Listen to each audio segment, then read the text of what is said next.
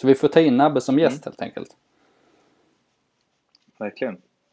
Han kanske ska få leda den till och med. Han känns inte som en sån som leder en podd. Spontant. Nej, jag tror vi ska ha honom som gäst. Dessutom, eh, när semestern fortsatte så fick jag ju en film han där han satt i, i en brandbil. Är det något att han är så het så att... Ja, man undrar det. Men han hade i alla fall hittat någon slags, eh, eller en brandbil i Eskil, Eskilstuna någonstans. Som man satt i. Så han skickade en film där från, från förarsätet. Och så skrev han, du vet jag jobbar dubbelt nu. Så tiden är största problemet.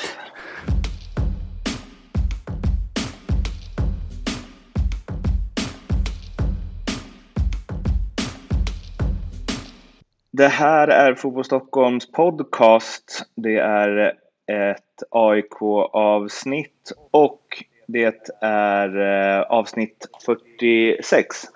Dribbla bort eh, Oskar Månsson direkt där, sa att det var nummer eh, 44, men jag tänker att de ska ligga lite i så att det liksom inte AIK-avsnitten inte ligger vägg i vägg.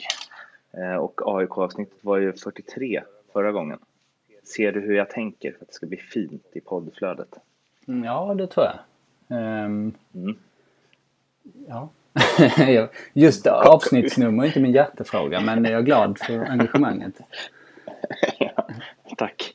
Hur mår du? Eh, ja, vad fint. Ehm, har eh, sett en eh, massa matcher i helgen, som vanligt. Tre intressanta matcher. ehm, och det är AIKs vi ska snacka om nu. Och den stack ut. Mm. Ehm, hur är det med dig? Det är eh, bra. Sitter på Malta hos eh, vår sponsor NordicBet här i lite förhandlingar. Har fått låna ett eh, aircondition mötesrum, vilket är oerhört tacksamt med tanke på att det är 30 grader klockan 8 på morgonen. Man ska inte klaga på värmen, men det gör man ju ändå som bekant. Jag tolkar det som att förhandlingarna går bra. Att du får låna ett sånt utrymme. Ja, Eller? jag tror det i alla fall. Ja, jo. Om det inte är någon som liksom vrider på eller av Asien eh, nu. Alltså på mycket så att man så här fryser ihjäl. Men eh, det kän- feelingen är bra hittills i alla fall. Ja. Eh, vi kan, ska väl säga det då, eh, NordicBet som är vår eh, sponsor till Fotboll Stockholm, de har ju en podcast som heter Ljugarbänken där jag, Lasse Nilsson och Mattias Lindström snackar allsvenskan. Så vill ni lyssna på annat än bara om AIK så är det bara in där på Acast och iTunes eh, och ge det en chans. Tack NordicBet för att ni är med oss på Fotboll Stockholm. AIK, de tuffar på. Femte raka segern i allsvenskan. Det blev 4-2 borta mot eh, AFC igår.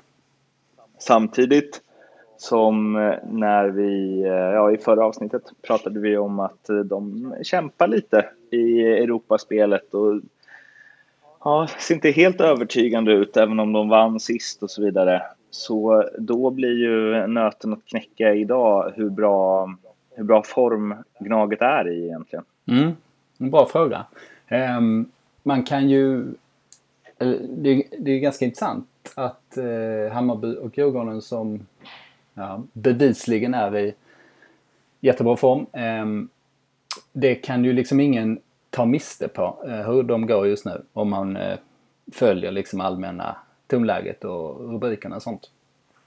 Men AIK går, de eh, tuffar ju på känns det som. Ehm, men om man bara ser på serieformen så är den ju liksom smått hysterisk. Fem raka vinster och 12 två i målskillnad på de där matcherna. Ehm, de hade fyra raka nollor innan den här. Exakt. Ehm, så det går inte vara så mycket bättre form egentligen. Ehm, och det är rätt intressant eh, som sagt att se på det. För när man tittar på den här matchen mot AFC så är det ju en eh, svag, sömnig första halvlek. Och eh, liksom känslan är att bredd, att bredden är ganska svag. Åtminstone rätt många formsvaga spelare som ska testas. Ehm, och sen eh, när AIK gör det här trippelbytet eller byter in tre spelare inom väldigt kort tid så eh, blåser de bara på och visar vilka som bestämmer. En grej med de här eh, segrarna, framförallt, alltså nu löste de det mot AFC också, men när man ser innan Kalmar, Elfsborg, Helsingborg, Sirius. Det är 1-0, 3-0, 2-0, 2-0. Det är, vi har pratat att Hammarby klarar att vara väldigt bra mot lag som de ska slå. Att de liksom inte studsar på någonting. Eh, nu blev det ju 2-2 borta mot Kalmar i och för sig, men AIK gör ju också det här.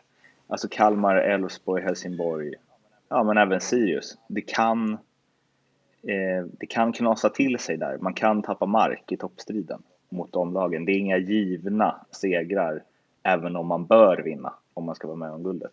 Och det känns som att AIK gör det, eh, kanske inte med samma ös som Bayern gör. Vi har ju konstaterat att Bayern spelar roligast fotboll i serien. Men de gör det väldigt, väldigt tryggt. Ja, när de har den här arsenalen på bänken eh, så blev det ju så. Man ska ju eh, komma ihåg att AIK spelade eh, Europa League i torsdags i, ja, liksom i Transnistrien i, i Moldavien. Det är ganska bökigt att ta sig dit och hem igen. Ehm, och då blir det den här, de här eh, korta förberedelserna. Ehm, där man liksom fysiskt och mentalt eh, ska, ska ladda om. Och det har man ju sett eh, så många exempel på lag som inte klarar det. Ehm, så eh, lite märkligt egentligen eh, kan man ju tycka där att under den här ehm, perioden på sommaren när man har byggt eh, och satsat så mycket på Europa så är det liksom Europaspelet som är lite knackigt medan det, det andra flyter bara på. Ehm, men AIK är ju specialister på att fixa de här typen av motstånd. Vad är det som gör att AIK fixar den typen av motstånd? Då? Ja, i det här fallet var det ganska enkelt att säga. Det var ju spetskvaliteten på spelarna som kom in det är möjligt att de hade kunnat eh, fixa den ändå. Eh, vi snackade ju om, om det för någon vecka sedan efter de slagit Sirius att, att många matcher kan ju se ut som att de är verkligen 50-50. Kan gå lite hur som helst eh, känslan på dem men, men då vet man ju också att eh, AIK eh, vet hur man vinner den typen av matcher. Och eh, den gången var det ju Obasi som gjorde det och den här gången var det ju Nabil framförallt, eh, men även Sebastian Larsson och Tarek Elyounoussi Eh, som eh, kom, in, kom in och fixade. Och AIK har liksom ingen stress med det där heller. Alltså de kan göra riktigt svaga första halvlekar. Det behöver inte hända så mycket. Eh, men de litar på att de vinner i längden. Ehm, och jag tycker man ser det liksom väldigt ofta att eh, det är ett jäkla gnäll på AIK liksom och Norling är för dålig och, och eh, han, han har för trist spelidé och, och så vidare. Och så säger det så långt in i matcherna. Eh, men sen är det där glömt efter 90 minuter för det mesta. För det här, och, det här inhoppet, ja. eller de här tre, tre inhoppen. Eh, sällan man sett att liksom en match ändrat karaktär så direkt. Det måste du också tänkt på. Alltså framförallt så är det ju nu blir mycket fokus på eh, Nabbe förstås eftersom han eh, ligger bakom målen. Mm, det blir mycket Men, Nabbe i den här podden. Kan vi. Ja, men alltså Seb, hans entré ändrar ju, alltså direkt när han kommer in så bara blir det, alltså det, det, det känns som det är mycket han. Mm. Att klassen blir så hög direkt på allt. Och hela hans sätt liksom, att leda det. Eh, och Tarik är ju också så smart och ja, gör rätt grejer. Det är ju tre, liksom, de är ju de är precis så bra som de ska vara. Man tänk, alltså, det blir exakt sån skillnad det borde bli. Men som du säger, som det kanske inte alltid blir. Bara för att man slänger in tre bra spelare. Mm. Det första Sebastian Larsson gjorde var ju också att ta ut liksom så riktigt bra hemjobb i ett kritiskt läge där eh, AFC kom loss på högersidan, spelade in den i straffområdet lite snett inåt bakåt och då kom, eh, tror det var Hodzic, vänsterbacken, som kom liksom i perfekt skottläge. Eh, men då hade ju Sebastian Larsson varit nere och glidtacklat och fått en liten, liten tå på bollen så att den ändrade riktning och gled förbi. Och ja, det där var ju som sagt kritiskt läge. Det hade ju mycket väl kunnat bli eh, två till av sig på, på ett sånt läge. Eh, och sen så eh, ska man ju för sig säga att den där straffen var ju, det var ju bara klantigt av eh, eh AFCs försvarare, eh, debutant, vad han nu heter. Ja, 19-årig kille som gjorde debut i varje fall. Um, och det var ju ett juniormisstag liksom där han drar Nabil i, i uh, tröjan när Nabil är felvänd uh, ute på en kant liksom precis, i, precis innanför straffområdet. Um, så på så sätt fick de det ganska mycket till skänks. Um, de fick det halvt, halvt gratis men å andra sidan så hade de ju uh, alldeles säkert liksom avgjort på ett eller annat sätt ändå med tanke på kvalitetsskillnaden som det blev på slutet. AFC är ju också ja, de, är inte, de är inte, håller ju inte riktigt i Allsvenskan. De har en del spe, bra spelare eh, som kan se pigga ut liksom och sådär men i längden så håller de inte riktigt. De, de blir ofta avslöjade mot, mot slutet. Vi ska ju fortsätta prata om hur bra vissa spelare i AIK är och hur bra de gör vissa saker med att hålla nollan och så vidare. Men innan det, du var inne på bredden. Och det mittfältet de eh, mönstrade igår. Um, dels så skrev ju du och jag lite om att visst, Ado gör vad han ska, men det är inte den spelaren som var i MFF. Eh, Bilal Hussein var ju inte alls, ehm, eller han var ju under isen. Eh, och Michel, ja, det var väl OK, men inte, inte mycket mer.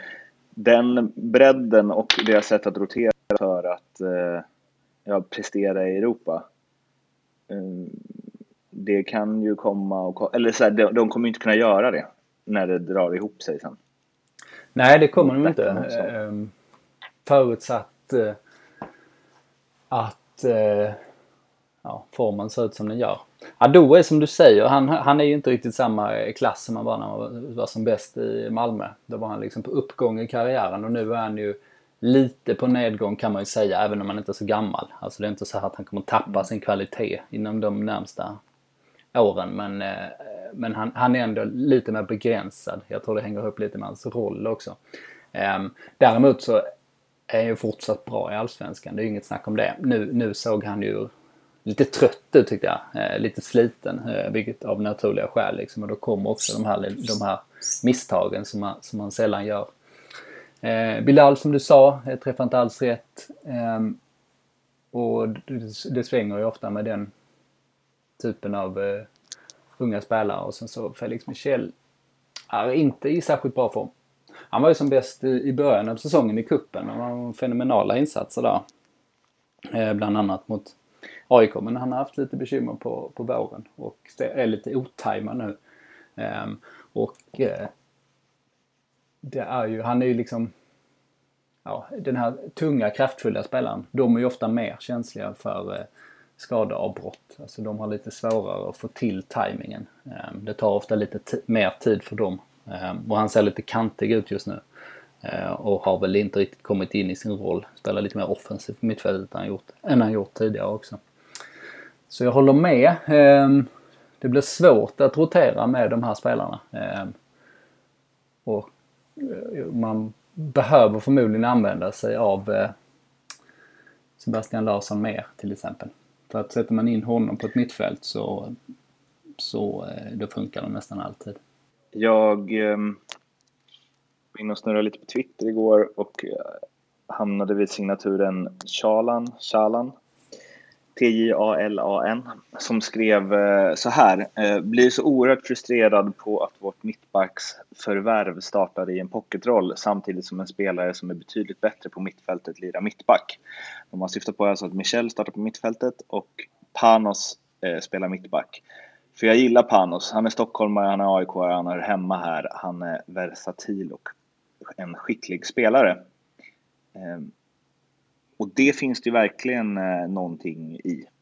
Eftersom Michel var väldigt, eh, eller stundtals i alla fall, väldigt bra som mittback i AFC. Och Panos har väl gjort alla sina bästa matcher i AIK genom åren som mittfältare. Um, ja, det har han nog gjort. De som, insatserna som verkligen sticker ut är nog framförallt som mittfältare. Men eh, jag håller inte riktigt med här riktigt för att eh, ehm, Michel och Panos är båda spelare som kan spela mittback och mittfältare och Panos hade ju inte löst någon liksom, mittfältssituation här. Alltså Panos kan ju, kan ju inte spela pocket. Eh, Michel är lite mer mångsidig ändå liksom, och även om han inte eh, eh, är klockren i liksom en lite offensivare mittfältsroll så, så, så löser han ju det bara liksom så fort han är i form. Det ser jag inte att Panos gör. Eh, så eh, nej, köper inte riktigt den. Mm. Jag tror uh, mer att Panos hade kunnat spela istället för Adobo i så fall på mitten. Eller möjligtvis liksom en, me en mellanroll om man spelar tydligt så här med en, en defensiv, en tvåvägsmittfältare och en offensiv om man spelar där. Då skulle han kunna, kunna han ta den rollen i mitten. Så. Men eh, nej, jag tror inte det hade gjort någon skillnad. Det låter mer som att man letar efter fel eh, i efterhand. Liksom. Mm. Men är han inte, han är, är han inte bättre som mittfältare i alla fall? Än som försvarare? Um, nej, jag är inte övertygad om det. Uh, lite ålderns rätt där också. Um, mm. lite, han är lite långsammare nu. Inte, inte samma tempo i kroppen totalt sett.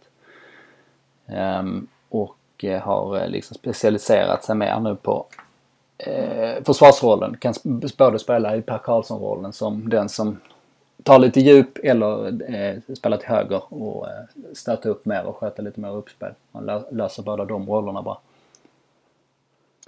Shalan ska få en chans till sen och se om han eh, och se om Oskar Månsson håller med honom den gången. Ja, men du var på hans sida i alla fall. ja, men det är jag absolut. Jag tycker, eller det kanske är för att så här, mina minnen av Panos när han spelade i AIK sist. Eh, var, eller är, jag tyckte han var bättre då än vad han är nu. Eh, vilket också är skitsvårt att jämföra eftersom han spelar på två olika positioner. Men eh, han spelade ju alla de åren som mittfältare. Sen så kanske inte i pocketrollen, absolut. Men som en liksom central, central mittfältare. Pocketrollen var, inte, upp, var inte uppfunnen på den tiden, vet du. Nej, det är för sig sant. Det är otroligt vad snabbt sådana saker etablerar sig ändå. Som att det alltid varit där. Ja. Uh, nej, men uh, jag tycker bara att han har många kvaliteter som en allround mittfältare ska ha. Med liksom passningsspel, helt okej okay skott. Uh, bra teknik uh, och ändå bra närkampsspel. eller ja, helt allround. Men ja, jag och Challan kämpar vidare. Innan vi ska ta vad mer han skrev. Så du ville prata lite om Oskar Linnér. Ja, jag hade en spaning här. Ehm, jag vet inte hur skarp den är egentligen men, men eh, han är ju en, eh, han är inte en vattendelare eh, men han är en sån spelare vars status går upp och ner hela tiden. Ehm, han pendlar från att folk tycker att han är Sveriges bästa målvakt eh, som man ska behålla hur länge som helst eller sälja för hur dyra pengar som helst. Till att eh, folk tycker att han är eh, svagheten i AIK, att han inte håller och sådär. Eh, tänkte bara att han är lite som, som AIK som klubb på ett sätt. För att eh, så fort man håller på att räkna ut AIK, eller så fort det blåser, ehm, så fort liksom kritiken är som starkast så samlar de ju alltid ihop sig och motbevisar allt och alla. Um, och, och vänder på ingenting. Det är ju, det är ju AIKs stora styrka har varit liksom i nästan, nästan tio år nu känns det som. Samma sak. Um, men när det väl börjar, väl börjar rulla på riktigt bra, um, när allting bara stämmer och man tror att uh, um, nu kommer de ta sig till eh, nästa nivå och nu är det ju... Ja, nu räknar vi bort i fjol för då gick de ju faktiskt hela vägen. Men eh, när det ser självklart ut att de, de borde vara laget som tar det i längden. Eh, då brukar det alltid liksom eh, hända någonting som gör att det där bryts helt och hållet. Eh, och det är ju lite Linnér i ett nötskal också. Han har ju haft de här eh, ja, lite tveksamma matcherna i Europa bland annat som, som dyker upp. Ehm, och jag tror att den sista grejen där är nog också anledningen till att han inte har blivit såld. Att eh, målvakter är sån, eh, sån position som eh, de utländska klubbarna, lite större klubbarna i vart fall, som scoutar bra, följer väldigt länge och ser liksom framförallt efter eh, att inte göra de här misstagen. Ehm, så jag tror det är det som gör att han inte har blivit den här 20 miljoners försäljningen som det snackades lite om i, i vintras när han, när han var som hetast. Sen är han ju, det glömmer man ju lätt, att han bara är 22. Och det känns väl som att det som är hans svaghet borde vara något som blir bättre med åldern. Ja. Så är det. Ja. Så är det. ja, eh, ja. vet du eh, hur många nollor AIK har hållit sedan eh, Allsvenskan startade 2018? Eh, nej, det vet jag inte. I Allsvenskan. Men det är ganska många. Först... Mm, gå på känsla då. Ja, sa du? Var du inte på väg att säga någonting där? 20... 22? Va? Eh... ja, 29. Okej. Okay, ja. Av på 49 matcher. Ja. Sen har ju inte Linnér stått alla dem. Nej, men de flesta. Men eh, de flesta. Han stod väl, vad var det i fjol? 20? 21? Någonting. Um, Otrolig statistik är det. det ja. ja. Verkligen. Fantastiskt. Mm. Uh, så, uh, men det är ju Alltså, jag vet inte fasen, det är svårt det där. Att, att man svänger, eller liksom att AIK-supportrar svänger kring Linnér i det. Och där jag skulle säga att det är ganska många som inte håller på AIK som verkligen inte tycker att han är något speciellt. Men att som 22-åring ha ett sånt facit, även om man som sagt inte stått alla de matcherna, i en toppklubb eh, med den pressen som ändå finns på att spela AIK Sen att han kastat in någon boll i något Europaspel och så vidare må vara hänt. Ehm, men jag tänker att att uppfattningen om honom är lite konstig med tanke på vad han ändå gjort. Ja. Eh. Jag har svårt att säga vad det beror på. Alltså, eh. Men jag håller med. Jag, jag, tänker bara på så här Johan Dahlin och Per Hansson när, när de kom fram och det var U21-EM och så vidare. Det var ju, de hyllades ju båda två jättemycket. Alla tyckte det var jättekonstigt att de inte spelade i ännu bättre klubbar och Per Hansson framför allt. Jag vet inte vad han hade gjort när han var eh, ja, i den åldern. Nej, det är sant. Sen är det ju svår, sen är det svårt att sälja målvakter från, från allsvenskan också. Det är ju sällan någon går in och Eh, eller det är sällan man värvar en keeper eh, från en sämre liga så. Ja det är det. Det ska ju vara något extra där. Ehm, men eh, ja, nej, intressant det där. 16 insläppta mål i fjol var ju tidernas rekord. Just det. I, i mm. få antal insläppta mål. Mm. Åtminstone om vi rör oss på under 30 lagsserien för det är ju det det är det man får förhålla sig till helt enkelt. Exakt. Ja, så um, kämpa på. Linnér, säger vi väl. Det är ju... Uh, jag tror jag han klarar, klarar utan uppmaningar. Men det är framförallt det som är hans eh, styrka. Att han har... Eh, mm. Han gick ju igenom en sån jävla shitstorm. Um, mm. I samband med den här eh, Europa League kvalmatchen i Portugal. Eh, för två år sedan. Eh, och eh, där testades han ju liksom i så skarpt läge som man kan. Eh, på något sätt. För, för, att folk skrev så jävla mycket skit till honom. Ehm, och därifrån har han hittat något eget mentalt koncept som gör att han eh, uppenbarligen klarar att stänga av det där väldigt bra.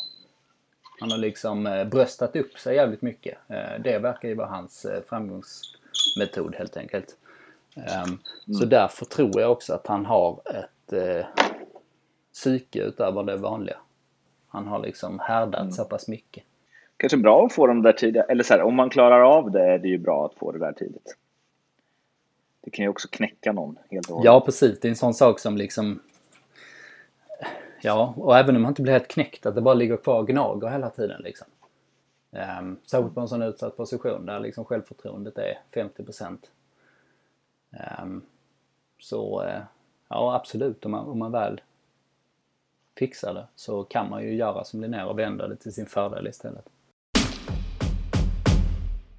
Nu har det blivit dags för eh, igen. Jaha. Revanschen. är, är, du redo? Ja. Han eh, skriver eh, om, eh, han går väl igenom var och varannan spelares insats egentligen. Och kommer till slut till eh, Nabbe där han skriver så här. Resten alltså, vad ska man säga? Allt är Nabil Bahoui. Allt är Nabil Bahoui. Det här är det jag drömt om. Det här är varför jag våndats i alla fönster när han är tillgänglig. Det här är hans nivå. Allt sker med en överlägsen självklarhet hela tiden. Touchen innan straffen är brutal, upphoppet vid nicken är brutalt. Bonus med Tarik spelförståelse som positionerar sig för retur när han ser Nabbe komma. Hans handledsskottsliknande bredsida, signaturen till 4-1 är brutal. Han är fullständigt brutal. Till och med hans målfiranden är självklara. Han vet att han är bäst. Mm. Det var en mustig beskrivning. Mm. Tryck är det i den beskrivningen. Ja, det får man säga. Um, men uh, jag måste bara upprepa, alltså målet vid fyra är så, så jävla snyggt. Ja. Det är, oh. det är konst. Ja, det är verkligen. Det är en, en, en konstnärs eh, touch det där. Mm. Med, och det är ju att han har sån kraft i allt som gör det ännu finare. Mm. Att han gör på det sättet. Ja, Det, är liksom, det blir något annat än om Pirlo gör det. Verkligen. Det är, nej, men det är ju en eh, väldigt bra beskrivning det där eh, av vår eh, Twittervän. Eh, för att, eh, ja men det som du säger, det är den här elegansen och den här bredsidan och sen så kombinera med det här liksom monsterupphoppet. Han bara trycker in bollen. Eh, de två sakerna ihop gör ju att eh, han, han är på liksom en, en annan nivå än eh, de flesta andra i serien. Och det är ju det är märkligt att Nabil inte har lyft mer än han har gjort. Ja. Ehm, Ja. Men eh, hans äventyr i Europa är ju liksom en, en följetong av eh, dåliga val och mycket otur kan man säga liksom med olika omständigheter. För att när han lämnade AIK då var det ju var han landslagsspelare. Han skulle startat i en eh, EM-kvalmatch mot Österrike tror jag det var. Ehm, det var i alla fall liksom en, en stor match i landslaget som han skulle starta i och det var han och Emil Forsberg som var nya i landslaget. Ehm, från Allsvenskan. Och han var ju, ja, det var, det var ju, var ju det läget han tog steget ut.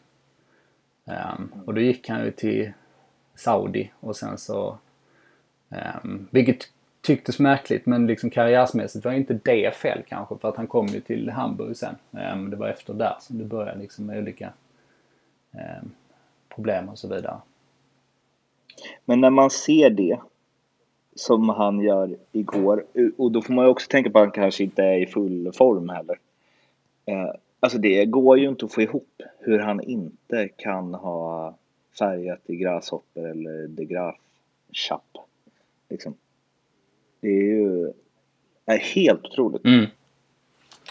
Precis, men eh, så är det ju om man, om man liksom kommer i fel lag och inte drar jämnt med tränaren eller om spelsystemet inte passar dig eller om man liksom eh, i Nabbes fall har spelat i, eh, i bottenlag nästan hela tiden som liksom ska försvara sig och sånt då, då kan det ju ibland inte spela någon roll hur bra, bra man är liksom om man ska, om man ska hårdra det lite. Men eh, ja, det ska bli jävligt kul att följa. Och det är intressant att se också, alltså okej nu har han ju matchtränare och sånt. Eh, det är ju det här. Te- tempot och kondisen som ska upp liksom, som man, man måste spela sig till. Eh, men rent fysiskt är det ju, är ju praktslag. Eh, hans, han, ja. Det är ju en otrolig fysik han har verkligen liksom, men det här enorma kraften eh, samtidigt som han har kvar lättheten i eh, steget.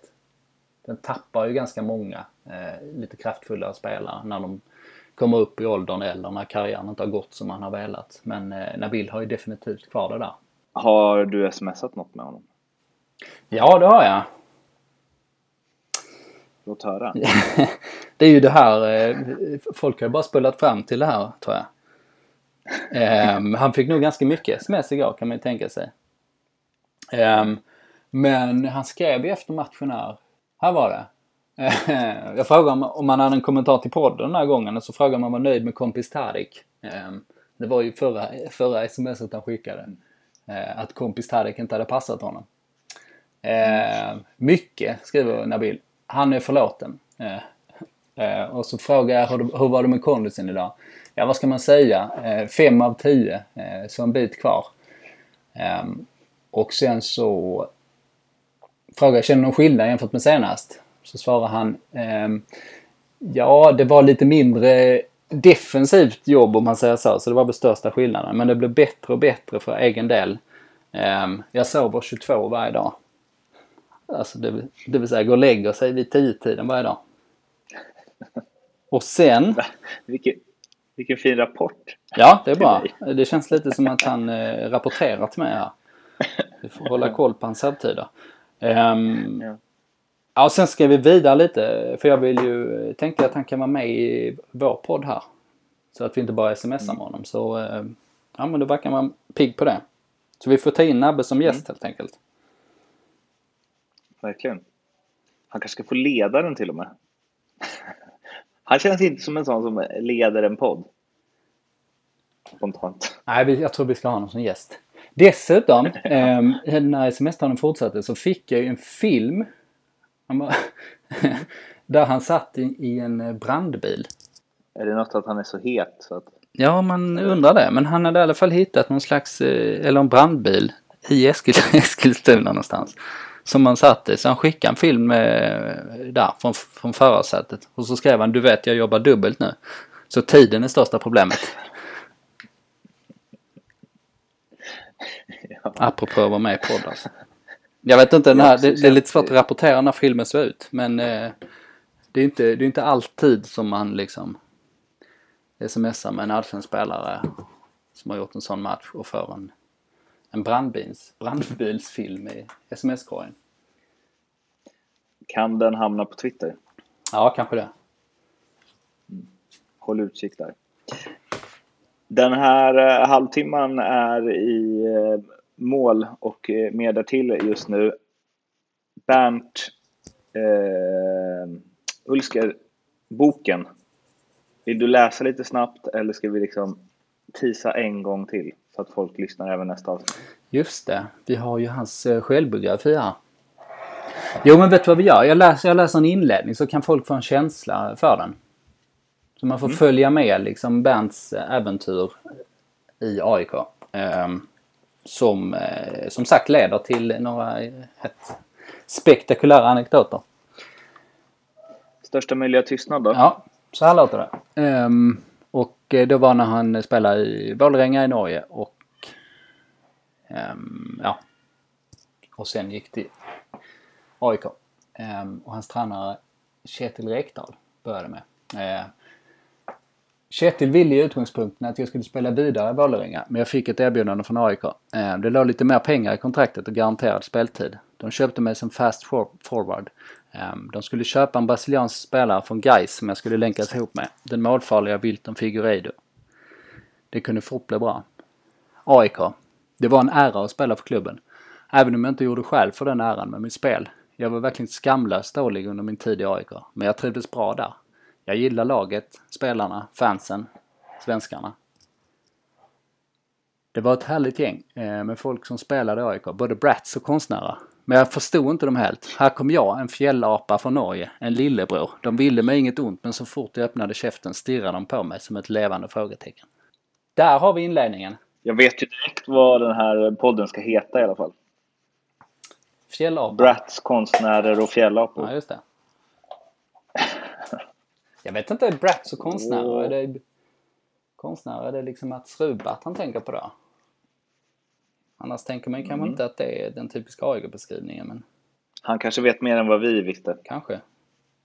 Eller vet. Vi, eller som, vi kanske får reda på det framöver. Vilka som är kategoriserade i, i vilka. Precis. Brats klubb känns det ju inte AIK som i vart fall. Nu är det ju lite uppluckrat vem som håller på eh, vilket lag och så vidare.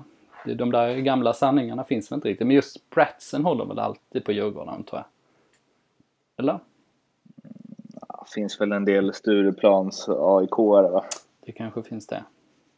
som är i, i svängen, som man säger. Eh, ja, det var det för den här veckan i alla fall. Ni vet var ni hittar oss. Det är eh, Twitter och Facebook och Instagram. Och så hörs vi igen när AIK eh, lirat sin nästa match. Eller kort in på det, detta i alla fall. Ha det gott tills dess. Hej då!